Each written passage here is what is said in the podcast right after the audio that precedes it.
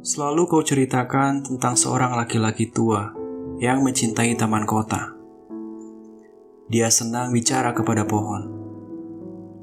Dia sedih karena pohon-pohon kian gampang melepaskan.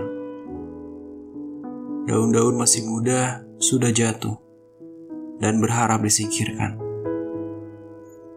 Pada suatu sore, katamu, di depan tempat sampah, dia termangu seperti sebatang pohon. Dia melihat seekor burung mati, tapi tanpa sayap, seperti ada yang melepaskannya dengan sengaja. Pohon-pohon bahkan tidak lagi mencintai burung, katanya. Aku mendengarmu bicara Aku selalu mendengarmu bicara tentang percakapan laki-laki itu di taman kota. Aku mencintaimu seperti laki-laki itu mencintai taman kota, katamu. Aku juga mencintaimu. Meskipun sebetulnya kau tahu, di kota ini tidak ada taman dan percakapan.